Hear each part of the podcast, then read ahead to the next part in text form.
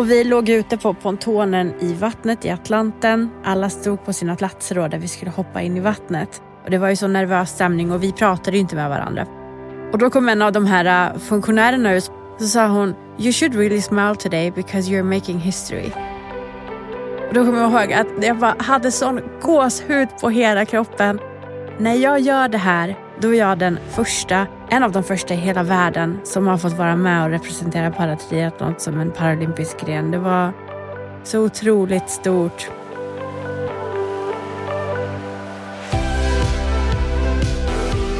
Varmt välkomna ska ni vara till våran podd Vårt benlösa liv.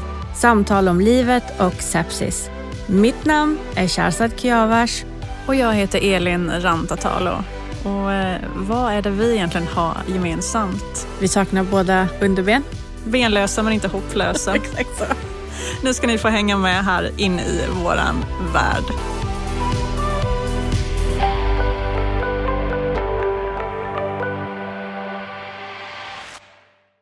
Hej Elin! Hej. Hej! Idag är det min tur att berätta om min rehabresa och det som jag minns och tar med mig från den tiden. Och jag vill börja med att revidera det som jag sa, eller vi sa, eh, under första avsnittet när vi pratade om våra föreläsningar. Att ja, men det här kan man prata om utan att börja gråta eller känna särskilt mycket utan att man har blivit härdad på något sätt. Igår när jag satt och jobbade lite på så stödpunkter för vad jag skulle prata om idag så fick jag googla saker hela tiden.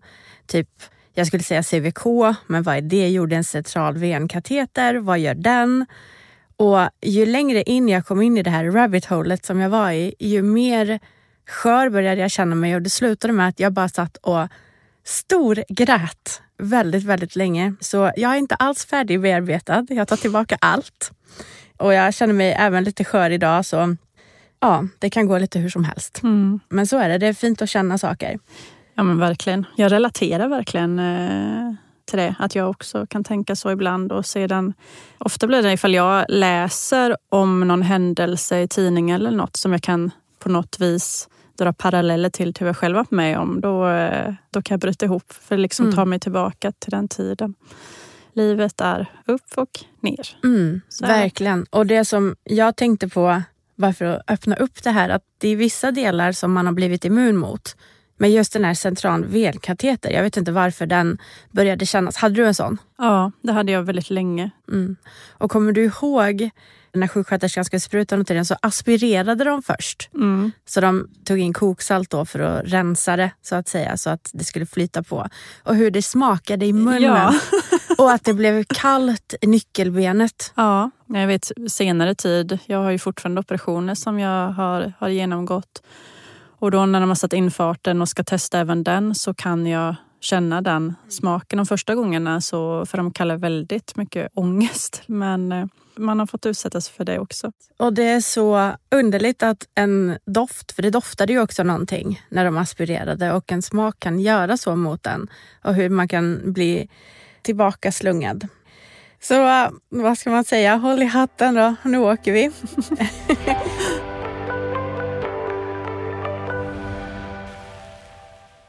Så efter att jag hade vaknat upp från eh, 13 dagar i respirator så handlade fortfarande allting egentligen om att hålla mig vid liv och att få mina organ att fungera igen. Jag hade ju fått en multiorgansvikt. Så det var mycket som inte fungerade som det skulle. Vi var ju på Södersjukhuset och mina föräldrar bodde i Borås och de bodde i det här anhörigrummet och det var ju väldigt påfrestande för dem. Så de bad att få mig förflyttad. Så jag fick flyga ambulanshelikopter från SÖS till sjukhuset i Borås där jag landade och fick fortsätta vara på intensivvårdsavdelningen. Faktiskt den avdelningen som min mamma jobbar på. Så det var, Hon jobbade på den just då när Mm. du... Aha, vad speciellt. det var speciellt. Mm. Så hennes kollegor fick ju ta hand om mig. Men det var väldigt skönt för min mamma för hon kände att jag var i trygga händer. Mm. Och då mina ben där och då var i så dåligt skick så togs jag under en två månaders period. Varannan var tredje dag togs jag in på operation och så försökte de då skrapa det. De tog bort död vävnad och sen så var väl det stora att de skulle försöka frilägga kärl så att cirkulationen i mina ben kunde komma igång igen. Jag flyttades till Sahlgrenska sen då och de där operationsvändarna var så speciella. Jag var alltid först i kön till operation. Det kan jag känna igen. Ja. Mm. Så det var ju så här, det var ju skönt för då skulle det ju få bli överstökat. Men Sahlgrenska är ju ett traumasjukhus så det var ju alltid, nästan alltid var det ja, det är motorcykelolycka, det är någon som är svårt sjuk som kom in och sen så bumpades jag ner i kön och sen slutade det ofta med att jag gick in kanske klockan 21, 22. Oj, det är jättejobbigt att ligga så en hel dag. Mm. Och då hade man ju varit fastande i kanske 21, 22 timmar. Och sen ofta när jag väl kom ut från operation, för den tog ju också några timmar, då var det ju så sent. Och då var jag ju så trött och vem orkade trycka i sig massa mat då? Så jag kommer ihåg den tiden som att jag var väldigt svag och trött. Men jag tyckte det var spännande med operation. Mm. Um, och det var lite roligt och sen hade jag ju lärt mig lite hur det fungerar så jag kände mig lite delaktig. Jag tyckte det var, det var lite mysigt ändå Mm. och det var, pers- kände personalen. Så. Ja, men jag skulle precis säga det, man fick ju nästan som en relation till, till personalen och narkosen och så vidare. Att, eh, det var som när mamma och pappa skulle lägga när man var liten nästan till slut. Verkligen. Vad kär så är du här igen.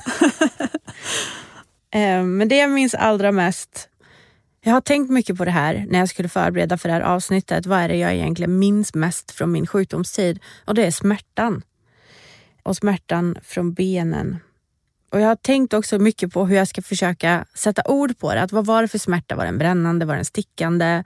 Hur kändes den? Men jag kan inte riktigt förklara det, men den var konstant. Den släppte aldrig egentligen taget om mig från det att jag vaknade från respiratorn och långt, långt, långt därefter. Det var också så här att smärtläkarna hittade ingen lösning på hur de ska kunna smärtlindra mig och jag minns att de hade konferenser med andra smärtläkare på stora sjukhus i Sverige för att försöka hitta hur man skulle kunna smärtlindra mig på ett korrekt sätt. Och det var, det var spännande. Jag hade en smärtcocktail som hette Breivik. Den blandningen. Och jag hade morfininjektioner, morfinpump, tablettform och jag fick också ångestdämpande i och med att jag hade så ont. Och till sist då satte de in en EDA-kateter. Så det är ju en slags epidural ungefär som den man får om man vill när man ska föda barn. Men min satt på något annat sätt. Den sattes liksom inte riktigt i ryggraden utan den sattes runt magen. Och det var för att man skulle kunna ha den under en längre tid utan en infektionsrisk. Mm. Och tanken var ju att man inte skulle känna då från ryggen och neråt. Och de gjorde såna här sticktester, minns du det? De- Mm, mm. Med något spetsigt föremål eller så la de is på låren. Och jag kände inte mina lår. Men jag kände ändå smärtan i benen. Och jag kommer alltid ihåg när jag skulle sova och det var så mycket kuddar och det var så mycket tecken och man Ah. skulle ligga på ett bra sätt men ändå gjorde det så fruktansvärt ont. Jag förstod aldrig, ironiskt nog, att smärtan kom från mina ben. Jag trodde att det var Mm. hela kroppen som gjorde ont men att smärtlindringen inte tog i benen. Och Det finns en anledning till varför jag tar upp det här. Det Mm. här med smärtan. Det, vi, jag kommer till det snart. Så det som problemet som jag hade var att mina njurar fungerade inte. Så jag hade dialysmaskin, mina binjurar var ur funktion och jag hade drabbats av väldigt många lunginflammationer under den här tiden. Och jag hade haft mycket vätska i lungorna. Man pratade ofta om att jag kommer få nedsatt lungkapacitet och att det inte kommer gå att syresätta sig på samma sätt som förut. Och jag sa alltid då, men jag älskar att gå på gruppträning. Kommer jag kunna gå på mina stepppass? men det trodde man alltså inte att jag skulle kunna göra fortsättningsvis utan den skulle vara kraftigt nedsatt, min lungkapacitet. Min högerarm var också svårt skadad av de här toxinerna, det här giftet då från sepsisen. Den var mycket svullen och min bindväv var även skadad. Så min arm var så här, äh, hur ska man förklara? Den var så knölig när man Okej. tog på den. Och den var väldigt, väldigt svullen och min, i och med att jag inte hade rört min högerhand på så länge så hade den, jag hade fått kontraktion eller kontraktur. Alltså armen och handen hade fastnat i en Ah, position. mm. Och jag hade fått väldigt stora sår, framförallt på min högra underarm. Och läkaren pratade med mig om att jag kommer kunna ha eh, minimal funktion även med mycket rehab eh, i min högerarm framöver. Vad berodde såren på? Nej, det var ju sepsissår då. Det var att du hade hade ju- fått eh, som nekroser då eller? Precis. Mm. Och de var väldigt stora. Jag har fortfarande ganska mycket just på högerarmen efter de såren. Kanske ska vi förklara kort, vad är nekroser? Nekroser kan man kortfattat eh, beskriva som vävnadsdöd, alltså att huden och eh, underliggande vävnad som är under huden dör. Och de här nekroserna de utvecklar sig genom att eh, huden kan börja svullna, bli gulaktig eller vit. Till slut så börjar den mörkna, bli svart och börjar torka upp. Och det här är ju något som kan uppfattas otroligt stötande eller läskigt. Mm. Så att ifall man är känslig så eh, googla inte. Googla inte. Hade du nekroser på eh, flera ställen på kroppen eller var det armen och, och fötterna som var mest angripna? Från början så hade jag fått nekroser även på näsan. Okej. Okay. Så man trodde ju att jag skulle även tappa nästippen eller så. Mm. Och sen hade jag några på ryggen Eh, men alla de gick bort mm. faktiskt. Utan, är, utan det som jag har är, är nu på höger underarm. Okay. Och man tänkte även att eh, jag kommer ha väldigt stort problem med det finmotoriska. Han sa att du kommer inte kunna skriva med höger hand och du kommer inte kunna skriva på tangenterna. Så du kommer behöva träna upp din vänsterarm så att det blir din dominanta arm. Men då hade jag fortfarande kvar benen. Så då tänkte jag, då var liksom armen det värsta som kunde hända. Att nu har jag inte en dominant arm. Jag trodde att benen skulle klara sig. Ja, okej. Okay. Mm. Du var inte riktigt medveten om hur, hur illa det var egentligen med dem då? Nej, utan det värsta som verkligen kunde hända var att jag sa till min pappa, hur ska jag överleva utan min dominanta arm? Ska jag bara ha en arm som fungerar och den andra bara hänger där eller? Mm. Men det blev ju snabbt värre så att säga. Så när amputationen av eh, benen var gjord, två månader då, efter mitt insjuknande, så amputerade man vänsterbenet i underbensnivå. I mitt fall betyder det lite över en decimeter nedanför knät. Mm. Medan mitt högerben amputerades egentligen mycket längre. Man amputerade strax över ankeln för att det klarade sig bättre men det var inte en jättebra amputationsnivå för protesanpassningen blev väldigt svår därefter. Eh, och sen så räckte ju inte, det var inte, det gick inte att lappa ihop mig upptäckte de under operationen. Så det de fick göra var att ta hudtransplantat från mitt lår då, för att kunna stänga såren. Och det där såret gjorde så ont. Ja, det är så där de plockade hur, mm. ja, jag vet. Det var ju som eh, alltså, skrapsåren från när man var liten och trillade grus gånger 200 oh, ungefär. Det sved otroligt mycket. Och det tog så lång tid för mig att det skulle läka också. Okej, okay. jag läkte för fort sa de. Ja. okay. Jag upplevde det inte så själv, men så upplevde sjukhuspersonalen. Men var det på underbenen som man placerade den nya huden då också? Precis, det ja. var längst ner då för att kunna stänga såren. Okej. Och så gjorde de ju då för att kunna behålla så pass mycket längd som möjligt. Mm. Och sen då kom jag äntligen till rehab. Yay! Det skulle ju bli så himla bra tyckte jag, för nu var vi liksom färdiga med allt det här som vi höll på med. Och när de berättade för mig att de behöver amputera båda mina ben så sa läkaren till mig, vi kan inte fortsätta hålla på och ha dig fastande och hålla på och operera dig för du behöver ju komma ut och vara normal. Alltså vad, vad det nu är. Jag förstod inte hur jag någonsin skulle kunna vara normal men när jag väl kom till rehab kände jag att ah, det här är ett steg i rätt riktning. Nu ska jag rehabiliteras och sen ska jag hem och sen så ska jag flytta tillbaka till Stockholm och gå tillbaka till jobbet. Jag gick då till arbetsterapin i och med att handen fortfarande inte riktigt fungerade som den skulle. Jag fick träna på att göra så armband, det vill säga pärla som barn gör. Ja. Och knyta med fingrarna och sånt. Hur upplevde du det? Nästan lite degraderande måste jag säga. Att ja. sitta där och göra saker som kändes självklara men jag märkte ju att fingrarna inte riktigt var med mig på högerhanden. Och ju mer jag knöt desto bättre blev jag. Det var också lite meditativt. Mm. jag målade en hel del. Det var alldeles för svårt för mig att pärla. Det är det än idag. Så att de, de plockade inte ens fram pärlplattorna. Mm. Hur upplevde du det? Jag såg inte arbetsterapin som något positivt. Jag ville att de skulle plocka bort det från mitt schema på rehab. Eh, jag kände att det bidrog inte till något annat än att jag blev ledsen och fick ångest över att jag inte klarade av sånt som jag tidigare gjort med mina mm. händer. För jag har alltid varit så här pysslig och virkat och gillat att sticka och sådär. Mm. Eh, och jag var ju liksom inte redo att eh, behöva uppleva att allt det tagits ifrån mig. Så att om jag minns rätt så tror jag att de eh, skalade ner lite på arbetsterapin för att lägga till mer träning för att jag kände att det gav mig, eh, Mm. gav mig mer att göra det. Då var de ändå lyhörda. Mm, ja men det var de, absolut. Och det är ju trevligt, för det var de nämligen inte med mig. Mot min vilja så började de rehabilitera mig i rullstol. Och det var ju inte fel på något sätt, för att mina ben var ju inte redo att jag skulle börja belasta med proteser. Men jag sa, jag kommer inte sitta i rullstol, ni behöver inte lära mig det. Men ändå höll de på med de här, äh, ta dig upp för en trottoarkant och balansera och allt vad det var. På ett sätt var det ju, förstår jag ju, de, i och med att jag inte hade några proteser så var det ju det enda sättet jag kunde ta mig runt på. Så det kom ju ändå med en frihet och sen hade jag inte den där sjukhus, tunga sjukhusrullstolen så jag fick en sån här lätt manövrerad eh, Ja, du fick det. Ja. Det är som ett lotteri. ja, det måste man säga. Men jag måste, får jag ta med mitt ben? Ja, Bara. det får du verkligen göra. Är det okej? Go ahead. Jag tänker att jag ska avlasta det Ja, det lite. tycker jag att du absolut ska göra. Blir en Eh, striptease. Ja.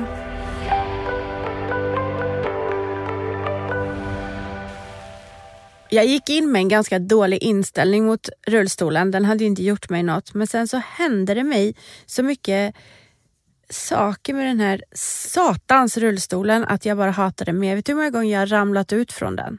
Nej. Ja, men det har hänt mig mest hela tiden. Jag, men, Var du helt vild i den? Nej, jag, jag, var lite, jag var lite crazy. Men, du vet, man skulle testa de här hindren och det var ju en helt annan tyngdpunkt i kroppen Mm. nu när du ha, inte hade några underben.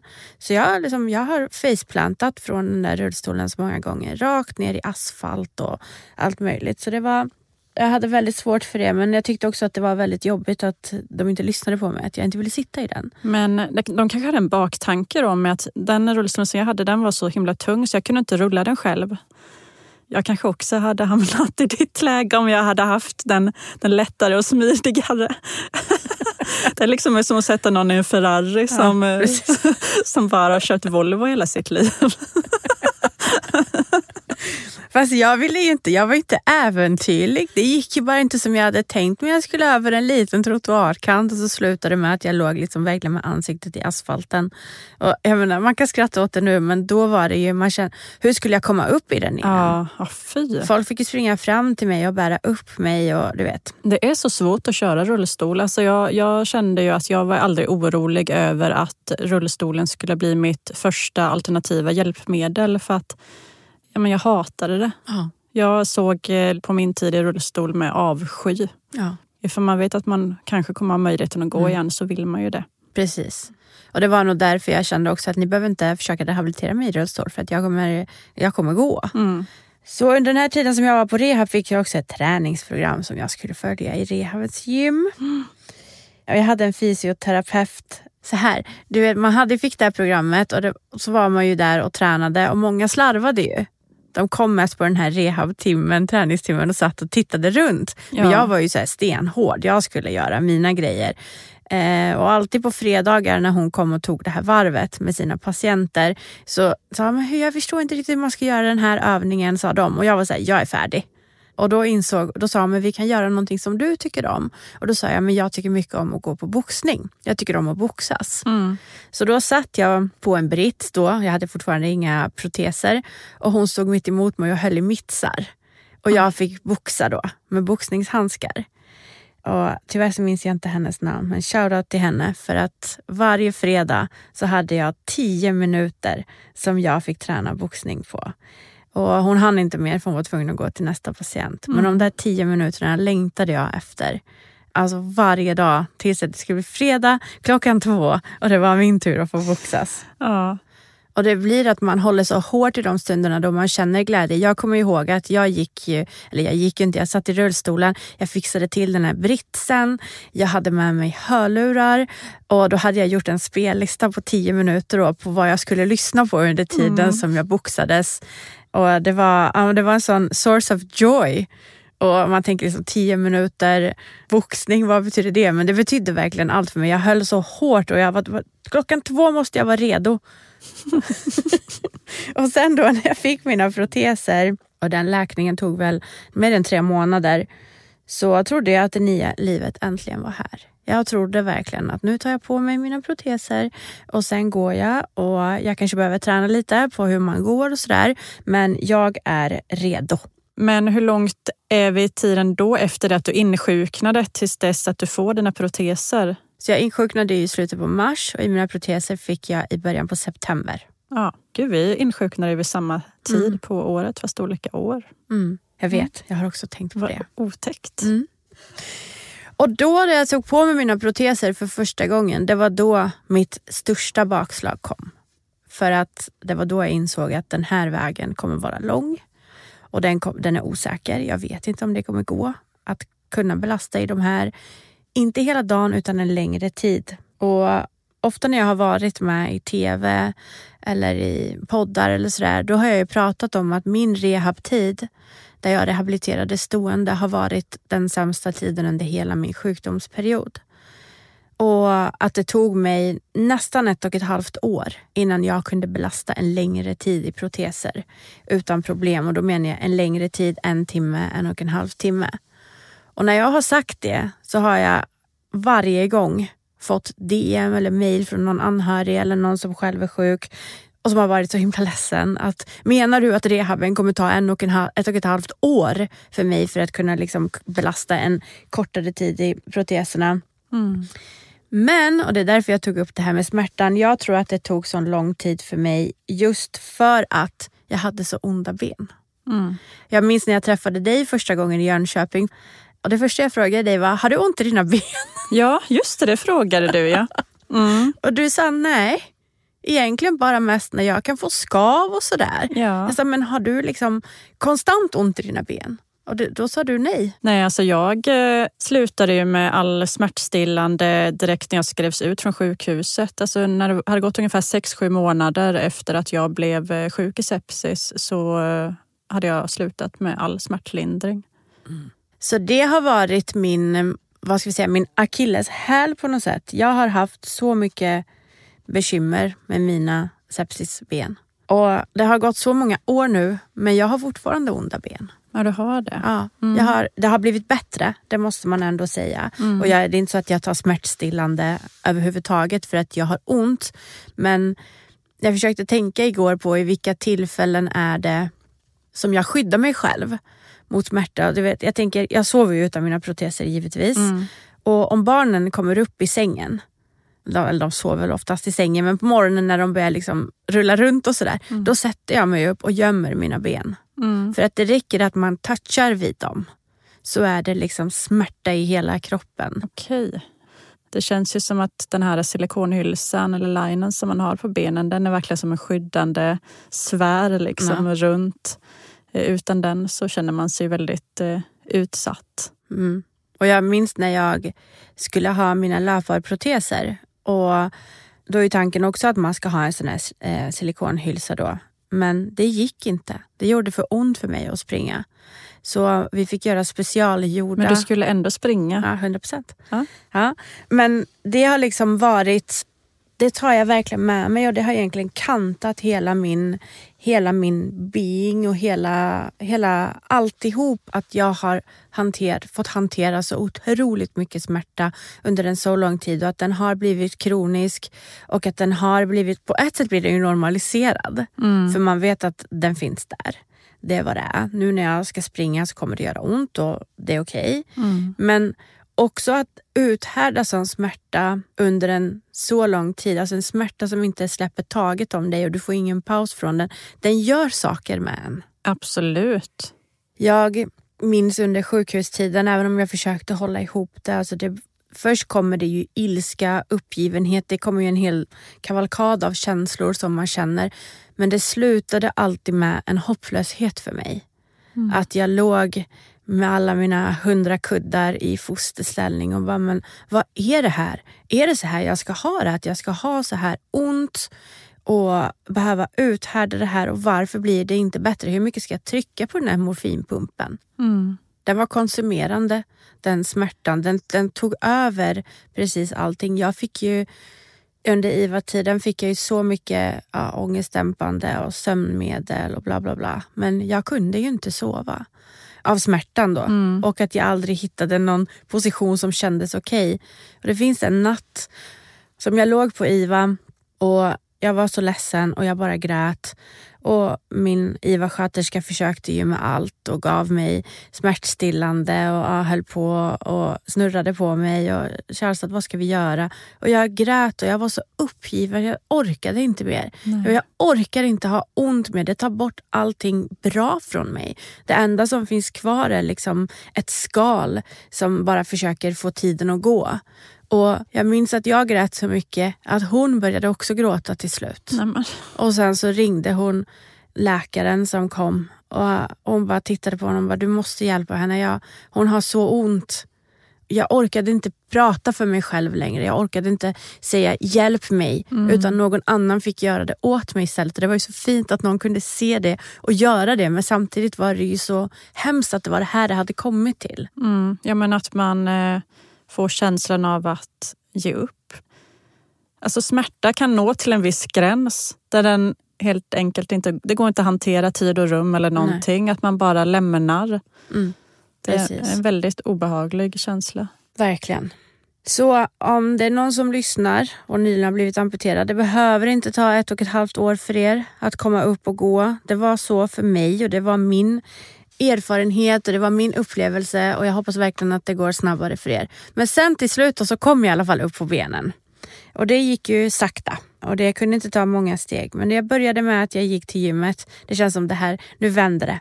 Eh, jag gick till gymmet och där träffade jag min tränare Kajsa som var mycket den här fysioterapeuten som jag hade. Och jag upplevde att på rehab så var det mycket att man bara skulle få vad ska man säga, the bare minimum, det minsta lilla. Att det skulle, de skulle titta, ah, men nu är du okej, okay. hejdå, ut mm. i livet med dig. Uh, men på gymmet var det så här, ah, men vi försökte, det var problemlösning, vi försökte hitta möjligheter. Hon kunde säga, jag kunde säga men det här känns inget bra eller jag belastar inte rätt muskler. Utan mm. nu ligger det, till exempel när jag skulle göra ett knäböj, bara, nej men nu ligger det mest på ländryggen, det känns inget bra. Och då kunde vi testa grejer. Och det var så det var en sån nytändning för mig. Mm. För man belastar inte på samma sätt när man har proteser utan man måste hitta lite andra ställningar och man måste hitta ibland vissa övningar, de tar inte ens där de ska Nej. ta. Och då får man bara strunta, alltså jag, eller jag struntar bara i dem och går mm. och hittar något annat som jag kan göra. Men det var som att de där tio minuterna på fredagen som jag väntade på kunde jag ha varje dag nu med Kajsa. Mm. Och det var verkligen, det skapade någonting helt nytt i mig och att jag kände att för första gången, och det ska jag vara väldigt tydlig med, att jag kände att på gymmet för första gången ända sedan jag blev sjuk var det jag som hade kontroll. Och Det var också någonting jag kämpade väldigt mycket med, att mitt liv var helt utanför min kontroll. Nu ska du äta, nu ska du in på operation, nu ska du äta de här tabletterna, nu ska vi göra det här, nu ska du på toa. Och jag var så här, men jag då? Mm. Och det var i och för sig väldigt skönt att de gjorde så för det fick tiden att gå. Ja, och sen hade man nog inte fått ihop det på egen hand. Nej, det hade man absolut inte men, men jag kände att jag saknade kontroll och det fick jag på gymmet. Jag började träna mer och mer på gymmet. Jag började våga mig dit under dagtid när det inte det var så mycket folk där och träna själv. Och Sen tränade jag mycket med Kajsa och Kajsa sa hela tiden till mig att jag, hon sa till mig att jag är en vinnarskalle. Mm. Och det är ett ord jag inte har förstått i svenska språket. Liksom, vad, vad, är en vinnarskalle? Vad, vad betyder det ens? Eh, men hon sa det igen och igen och igen. Och sen så skulle min sjukskrivning ja, den skulle gå ut och sen så kände jag bara, jag orkar inte vara i hela den här Försäkringskassan-processen. Och en handläggare som ringer dig och frågar bara, tror du du kan börja jobba nu? Nej, jag kan fortfarande gå typ fyra steg. Jag vet inte vad, och jag mår inget bra psykiskt. Jag orkade inte vara i hela den här spiralen längre. Så när Kajsa sa, ska inte du tävla i någonting en dag? Så sa jag, jo varför inte? Jag kanske ska tävla i någonting och så ska jag sluta vara sjukskriven. Mm. Och då föreslog Kajsa att vi skulle tävla i triathlon. Och det är så konstigt att hon sa just triathlon, för hon är inte triatlet.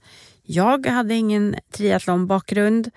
Men hon sa triathlon och så sa hon gå hem och tänk. Och jag tänkte att jag ska välja löpning för det kommer bli så coola bilder tänkte jag med, med att springa med blades och sådär. Då var det ju också, hade det också varit Paralympics 2012 och då sprang ju Oscar Pistorius och han sprang ju så himla fort. Och, och det kändes ändå så här hoppfullt. Bara, wow, han springer ju lika snabbt som mm. människor med normala ben. Men han så, kanske inte är så mycket att se upp till nej, så här efterhand. Så här i efterhand var han inte. Men så som, identifierar vi oss inte med han. Nej. Ni får googla på det. ja, men som idrottsperson så var han ju otrolig. Mm, ja men verkligen. Och sen så började vi satsa på triathlon och Kajsa då för att vi skulle göra vårt mål tidsbestämt så anmälde hon mig till Stockholm Triathlon augusti 2015 och vi började träna september 2014. Så då gick vi in för triathlonträningen och jag kunde inte simma så då tog vi hjälp av simklubben Älvsborg då och min simtränare Jonas. Och det var verkligen så här, min dotter går i simskola nu och det var verkligen sådana övningar han gjorde med mig. Så här, ta, håll i den här grodan som är den här ja, som man håller i och så bubblar det med munnen. Jaha, det var till och med på den... Det var på den nivån. Ja. Jag doppade inte huvudet. Nej. Jag var väldigt, väldigt rädd för vatten. Mm. Och sen då så körde jag Stockholm Triathlon på en olympisk distans som är alltså 1500 meter simning, 40 kilometer cykling och 10 kilometer löpning. Och det gick faktiskt eh, jättebra. För det är ju en sak att träna, det är en sak att sätta tider. Men det är inte alltid, eller det hade jag sett mycket på sociala medier, att det fanns de som var så ihärdiga med, med sin träning och de gjorde jättebra resultat. Men sen kom de till tävlingen och då gick det inte som de hade tänkt sig eller de kunde inte hålla den farten eller så. Och det var inte säkert att jag skulle kunna prestera under tävling för det är ju en helt annan sak. Jo, det kan vara mycket dagsformen tänker jag också. Absolut är det dagsform men det är också att man, för mig den upplevelsen jag har fått är att man måste ha ett speciellt psyke för det händer så mycket med en under ett lopp som är tre och en halv timme. Mm. Och man måste liksom inte ge upp eller så måste man plocka upp eller plocka ner. Och jag var inte säker på att jag skulle ha det här tävlingsmentaliteten och instinkten inom mig. Men det var riktigt, riktigt roligt. Det var en mycket bra dag. När var det som jobbigast under den dagen? Ja, det var ju då under löpningen och det visste jag redan i och med att jag hade sån smärta när jag, eh, när jag sprang. Och det var framförallt i mitt längre ben, högerbenet. Mm. I och med att jag hade nervsmärta i det benet och det var nerver som var i kläm och just varje gång jag sprang med högerbenet så klämdes nerverna ihop. Och det, var ju, det började ju blöda och vara och liksom allt möjligt. För det var ju, tänk dig att det som var kvar av benet blev ju väldigt tunt. Mm. Så den var ju väldigt skör längst ner på benet. Och Kajsa ville att vi skulle bryta för det började bli så här, det blöder Kerstin. Och jag bara nej, jag måste springa färdigt. Jag måste verkligen springa färdigt. Mm. Så det var triathlonet och det var jätteroligt. Och efter triathlon så åkte vi till, jag och min dåvarande pojkvän, min numera man, vi åkte ju till New York i några veckor. Och då kände jag hela tiden bara nej, ja, det finns mer i mig och jag måste satsa vidare. Och då var det ju så lägligt att det var ett Paralympics Rio de Janeiro året därpå. Eh, och när jag kom hem så sa jag till Kajsa och Jonas att ja, men jag vill satsa på Rio. Vad tror ni att det går? Och när vi jämförde mina tider så visade det sig att i simningen var jag close enough. I cyklingen var jag där, men i, i löpningen var jag långt, långt efter. Alltså de springer riktigt, riktigt. Jag trodde inte tiderna stämde. Bara, kan man springa så här fort? Och Kajsa sa att med den här, det här onda högerbenet så kommer du inte kunna göra det. Vi får satsa på Tokyo 2020. Och då ringde jag min läkare, doktor Hans Granhed, som hade gjort min första amputation och så sa jag, att doktor Granhed, jag ska åka till Rio, men jag behöver springa snabbare och du behöver därför reamputera mitt högerben. För det stoppar mig från att kunna springa snabbt. Och han var inte, han sa, vad menar du, har du problem med din vardag? Och på ett sätt hade jag ju problem med min vardag. Min protesanpassning var ju väldigt svår. Mm. Det blev som en knöl längst ner där benet tog slut och mina proteser var fulare än vad de borde vara och än vad de är. Och jag hade egentligen inga större problem förutom den här nervsmärtan. Men sen i alla fall till slut gick doktor Granhild med på att amputera mitt högerben också. Eh, så då fick jag åter åka in, in till Sahlgrenska och genomföra den här amputationen. Och tänk då, då kom mitt nästa egentligen väldigt stora bakslag. Då är jag i mitt livsform. Jag har alltså tränat i 11 månader. Jag har ätit, jag har sovit, jag har andats, jag har levt triathlon. Och jag tänker, ah, hur svårt kan det vara nu då? Nu kommer ju det läka jättefort och sen är jag uppe på benen och jag ska till Rio, jag har inte tid att spilla. Men vad tror du händer? Det blir infektion, så, eh, benet läker inte ihop, de får inte bort agrafferna, det som håller ihop, alltså suturerna. Mm. Och min pappa är också ortoped. Så han gjorde ju mycket av mina omläggningar så jag inte behövde åka till Sahlgrenska varje gång. Och jag såg ju varje gång han öppnade upp såret att han liksom var, och jävlar. Det läker inte som det ska och det skulle i slutändan om det inte gjorde det och det inte svarade på antibiotika skulle det betyda att man behöver amputera benet än en gång och göra det ännu kortare. Eh, men jag hade tur så jag behövde inte reamputera men den här läkningen tog lång tid och då hamnade jag i något mörker igen.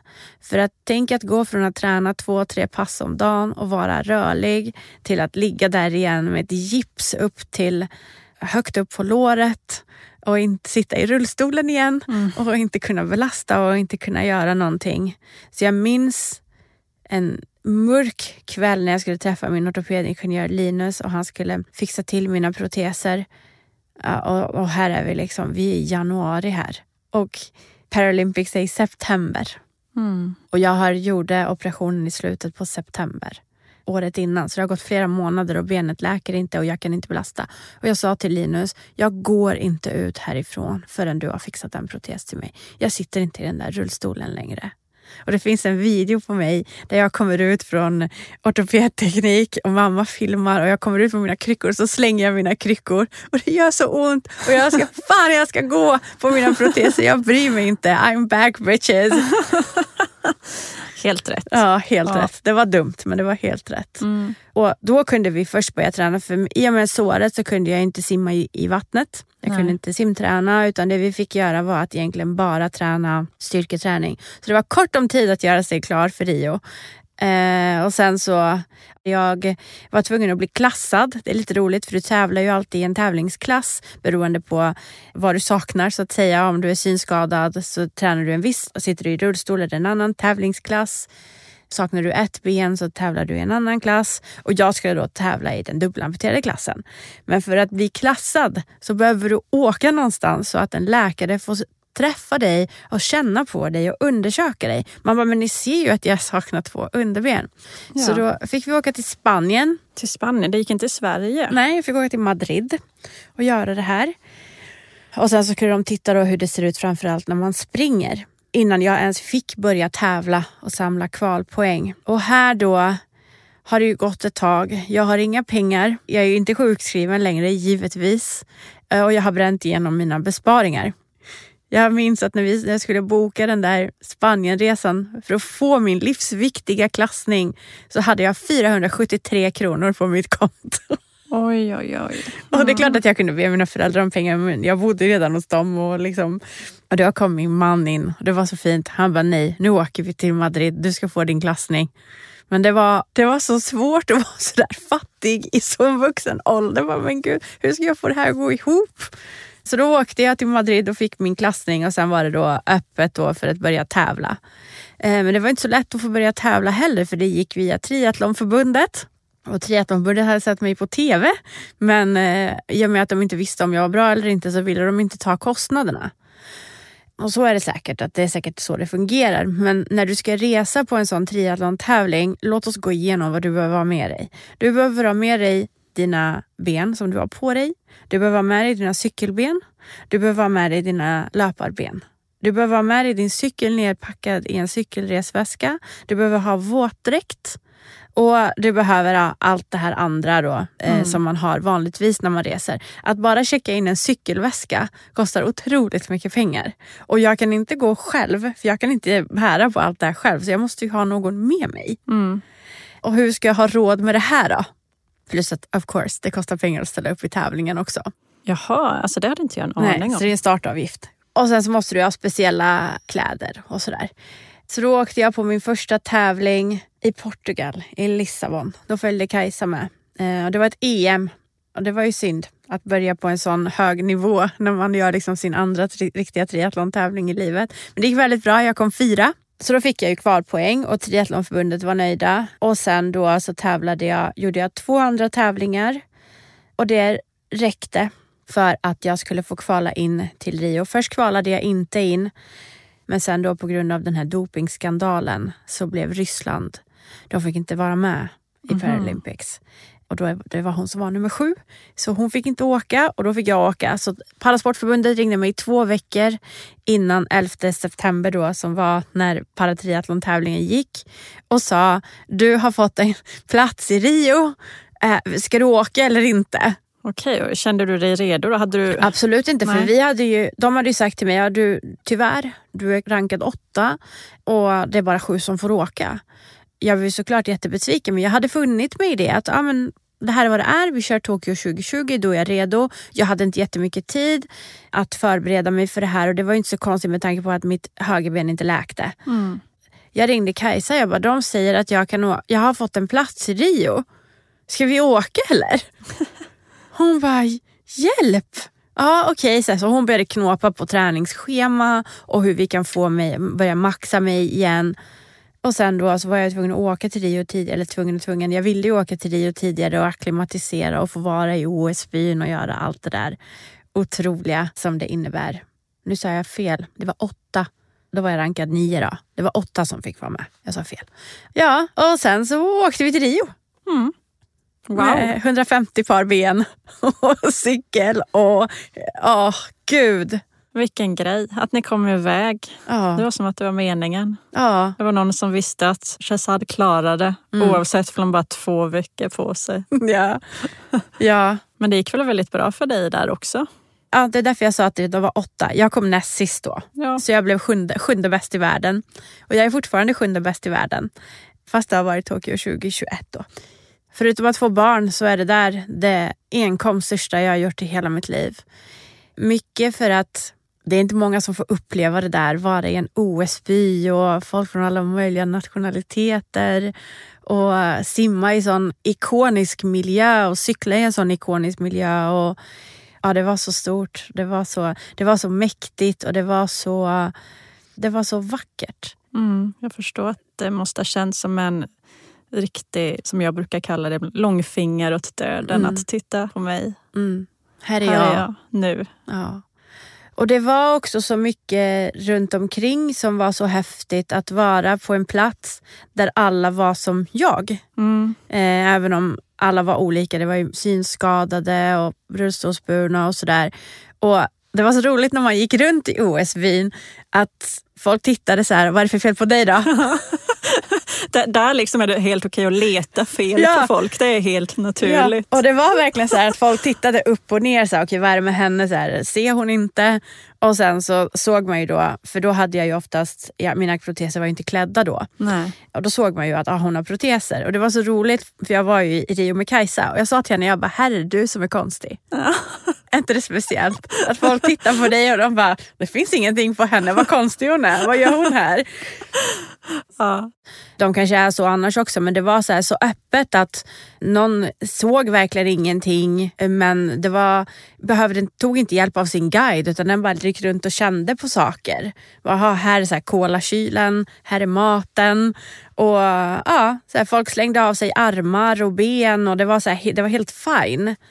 Det var, ja, det var Det väldigt, låter väldigt helt galet. Ja, det var helt Jag ser galet. framför mig att det liksom bara ligger proteser överallt. Ja, men det gjorde och någon står och letar det. i kolakylen. Ja, det var så. Folk satt liksom på gräsplättar och så här, tagit av sig armar och ben och det som var i vägen. Och det var så här, ja, här är jag. Mm. Och ja, Det var väldigt spännande. Och sen så var det förstås väldigt spännande. Det var, jag var ju första svensk och fortfarande enda svensk som har fått representera vårt land i ett paralympiskt mästerskap. Det var, och vi var också de första någonsin som tävlade i paratriathlon. Det var första gången paratriathlon gick som en paralympisk gren. Aha, Och vi låg ute på pontonen i, i vattnet i Atlanten. Alla stod på sina platser då där vi skulle hoppa in i vattnet. Och Det var ju så nervös stämning och det var så tryckt stämning och vi pratade inte med varandra för vi var ju konkurrenter förstås. Men det var ingen som så sökte blicken, ingenting utan vi, det var så här stenhårt. Efteråt var vi, kunde vi säga good job och sådär. Men vi var så här, typ jag hatar dig. Det var verkligen Mm, Det den... var fullt fokus. Mm, det var fullt fokus och alla var så här jättestressade och Och då kom en av de här äh, funktionärerna ut som hade varit med oss alla dagar under de här dagarna då vi hade fått testa simningen och testa eh, cykelbanan och sådär. Och då sa hon “Smile girls” och ingen, och ingen skrattade. Så sa hon “You should really smile today because you're making history”. Och då kommer jag ihåg att jag bara hade sån gåshud på hela kroppen att när jag gör det här, då är jag den första en av de första i hela världen som har fått vara med och representera paratriathlon som en paralympisk gren. Det var så otroligt stort. Men sen var det fullt fokus igen och jag började känna mig åksjuk på den där pontonen som åkte runt i vattnet. Det var en otroligt, otroligt mäktig upplevelse och jag var så rädd. Men jag är så glad för att jag vågade vara modig för det var verkligen det största jag varit med om i hela mitt liv. Ja, wow. Otroligt. Ja, det var verkligen otroligt. Det var så vacker miljö att göra det i och det var så speciellt. Vad gör jag här i Rio? Det var så här, ibland när jag tänker tillbaka på det så flöt allting ihop och det känns som att det har bara varit en film som jag kan berätta att jag har sett men jag har inte varit med om det själv. Mm. Men mm, jag är väldigt glad att jag vågade vara modig och tacka ja fast jag eh, borde väntat längre. Eller jag borde inte väntat längre, jag borde bara haft mer tid på mig att förbereda mig men ibland så kastar livet såna här curveballs till dig och då måste du bara ta dem. Mm. Eh, Men under hela den här tiden, hade, du ingen inkomst eller eh, jobb? Eller hur, hur liksom, du levde på dina besparingar? Ja, jag levde på mina besparingar som jag hade då lagt undan till en kontantinsats att köpa en lägenhet i Stockholm. Mm. Så jag levde på dem men det började ju bli, det blev, det blev, ju, bara, alltså det blev ju bara tomt i kassan. Ja, man blir inte miljonär av att vara atlet helt enkelt. Nej, nej. Nej. um, nej jag fick inga pengar. Nej. Av någon. Nej. Och triathlon är ju en, en dyr sport. Mm. Och sen är det ju en cykel som kostar, jag vet inte hur mycket. Men den fick jag ju sponsrad av Canyon. Det var väldigt häftigt att få tävla med en sån otrolig cykel.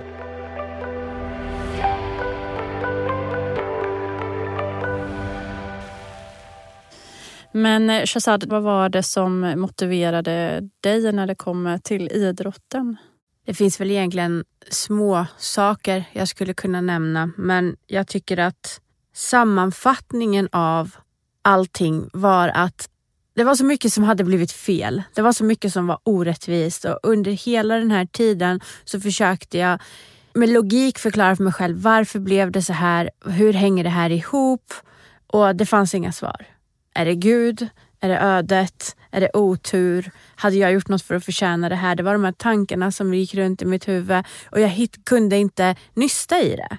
Nej. Men när jag kom till idrotten, eller inte bara idrotten utan också rehab och allt som rörde sig kring att ta kontroll över situationen så kom det enda logiska resonemanget som jag återkommer till i livet och det är man blir bra på det man gör. Mm. Och det är en sån morot. Jag använde mig av det här hela tiden, både när det gick bra men också när det gick dåligt. Att det jag gör blir jag bättre på. Det är poetiskt, det är vackert, mm. det är rättvist, det är korrekt. Så det höll jag fast vid varje gång jag gjorde träningspass, även om det inte var ett bra träningspass till och med på rehab eller varje gång jag gick på mina proteser så blev jag lite bättre än vad jag var sista gången jag mm. gjorde det. Och det var en sån motivationsboost för mig och det kunde ta mig upp och göra jobbet till och med på de sämsta dagarna. Alltså sådana här pass där vi tränade så mycket intervaller och det gjorde ont i benen och jag gick upp och liksom, alltså jag, jag spydde ibland efter träningen. Mm. Det säger jag inte för att säga att jag, men det var liksom på den gränsen jag låg och tangerade hela tiden. Blodsmak i munnen, maxa, maxa, maxa. Och det var jättejobbigt när jag gjorde det men efteråt kändes det så bra för det var så här, nu är jag bättre än vad jag var förra gången. Ja, alltså jag känner igen mig så mycket i det. För det var så mina tankar till motivation också gick. Att eh, den här gången så kunde jag gå 10 steg, snart kan jag gå 15. Den här gången kunde jag skära en eh, gurkbit rakt. Mm. Nästa gång kan jag skära 10 gurkbitar och det kommer gå snabbare. Alltså veta att det man gör blir ju aldrig ogjort. Precis, och det blir inte ovärt. Även om det inte det blev en sned gurkbit den här gången så har du ändå övat. Exakt. Och det är, jag tycker att det är så vackert att livet fungerar på det sättet att man blir bra på det man gör. Mm. Ja. Och Det gäller både det bra och det dåliga. Ja, ifall man ger upp. då kan man inte bli bättre. Nej. Det är så enkelt det är. Om Man man, kan bara ju, sitter och gnäller så kan man inte heller, då blir man bara bra på att gnälla, inte på något annat. ja men exakt. Ja, otroligt klokt och jag kan verkligen förstå hur du, hur du tänker där. Jag hoppas ju att de flesta människor också är sådana, att de tänker att de vill bli bättre och bättre. För då hade världen varit ganska så bra. och det hade bara blivit raka gurkbitar. Exakt. Finns inget viktigare.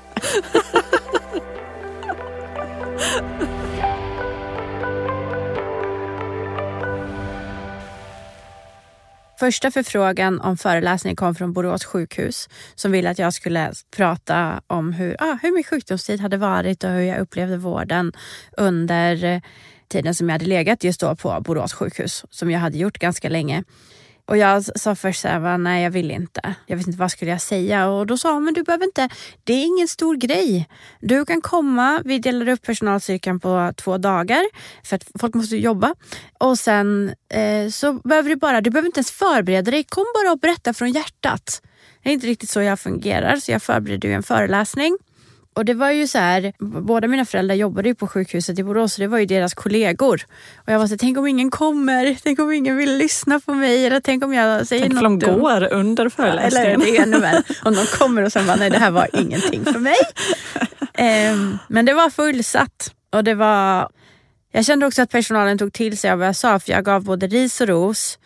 Och sen dag två då så var det kö in till föreläsningssalen och det blev en fara då i och med att det var för mycket folk i salen så de fick öppna en annan sal där de fick livestreama och jag tänkte men gud, det här kanske var bra. Så det var ju alla möjliga sorters eh, från olika professioner som kom och lyssnade. Det var ju även typ läkarsekreterare och så som lyssnade.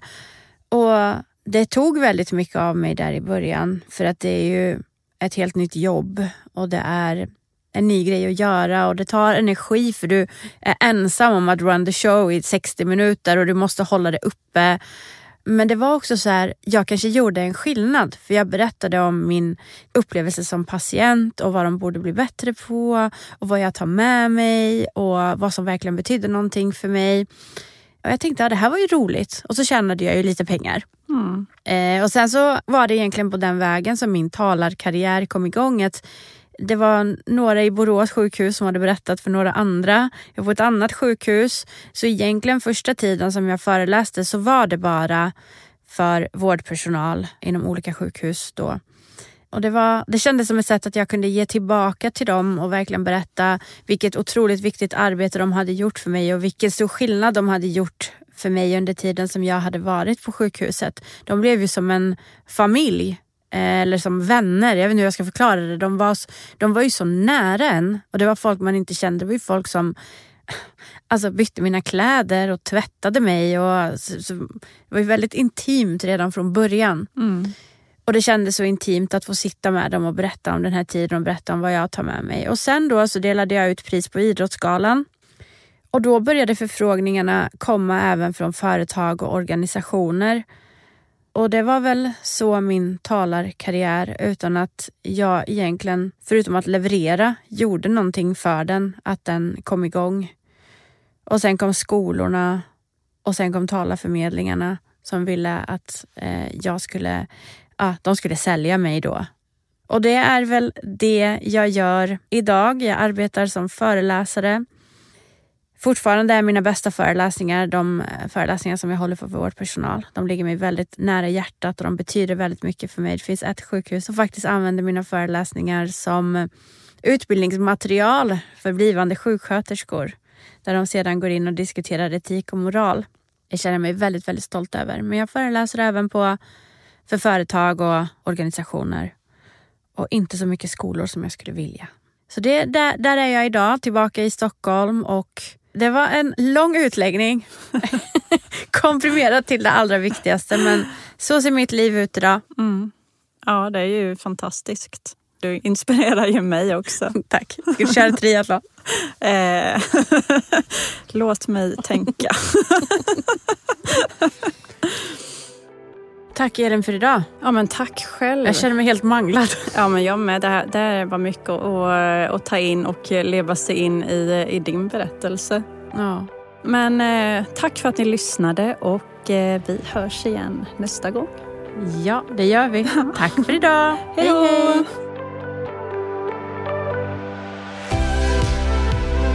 Följ oss gärna på Instagram. Där heter vi Vårt benlösa liv. Den här podden görs i samarbete med Sepsisfonden. Att få upp kännedom kring sepsis hos allmänheten har allt sedan starten 2015 varit ett viktigt mål för Sepsisfonden och vi hoppas att den här podden kan bidra till just bättre kunskap om sepsis hos allmänheten. Vi vet att kännedomen hos svenska folket har ökat under de år fonden varit igång. Från 21 procent år 2015 till 58 procent år 2023. Men fortfarande finns det en okunskap hos många och det vill vi i podden försöka ändra på. Förutom att jobba med kunskapsspridning samlar Sepsisfonden även in pengar till forskning runt sepsis så att vi kan få fram bättre diagnostik och nya behandlingsmetoder. Och de stödjer också forskning och projekt som kan bidra till bättre livskvalitet för oss sepsisöverlevare. Om ni vill lära er mer om sepsis eller donera en slant till fonden, gå in på sepsisfonden.se. Den här fonden gör verkligen ett fantastiskt arbete. Så vi hoppas att ni vill stödja dem.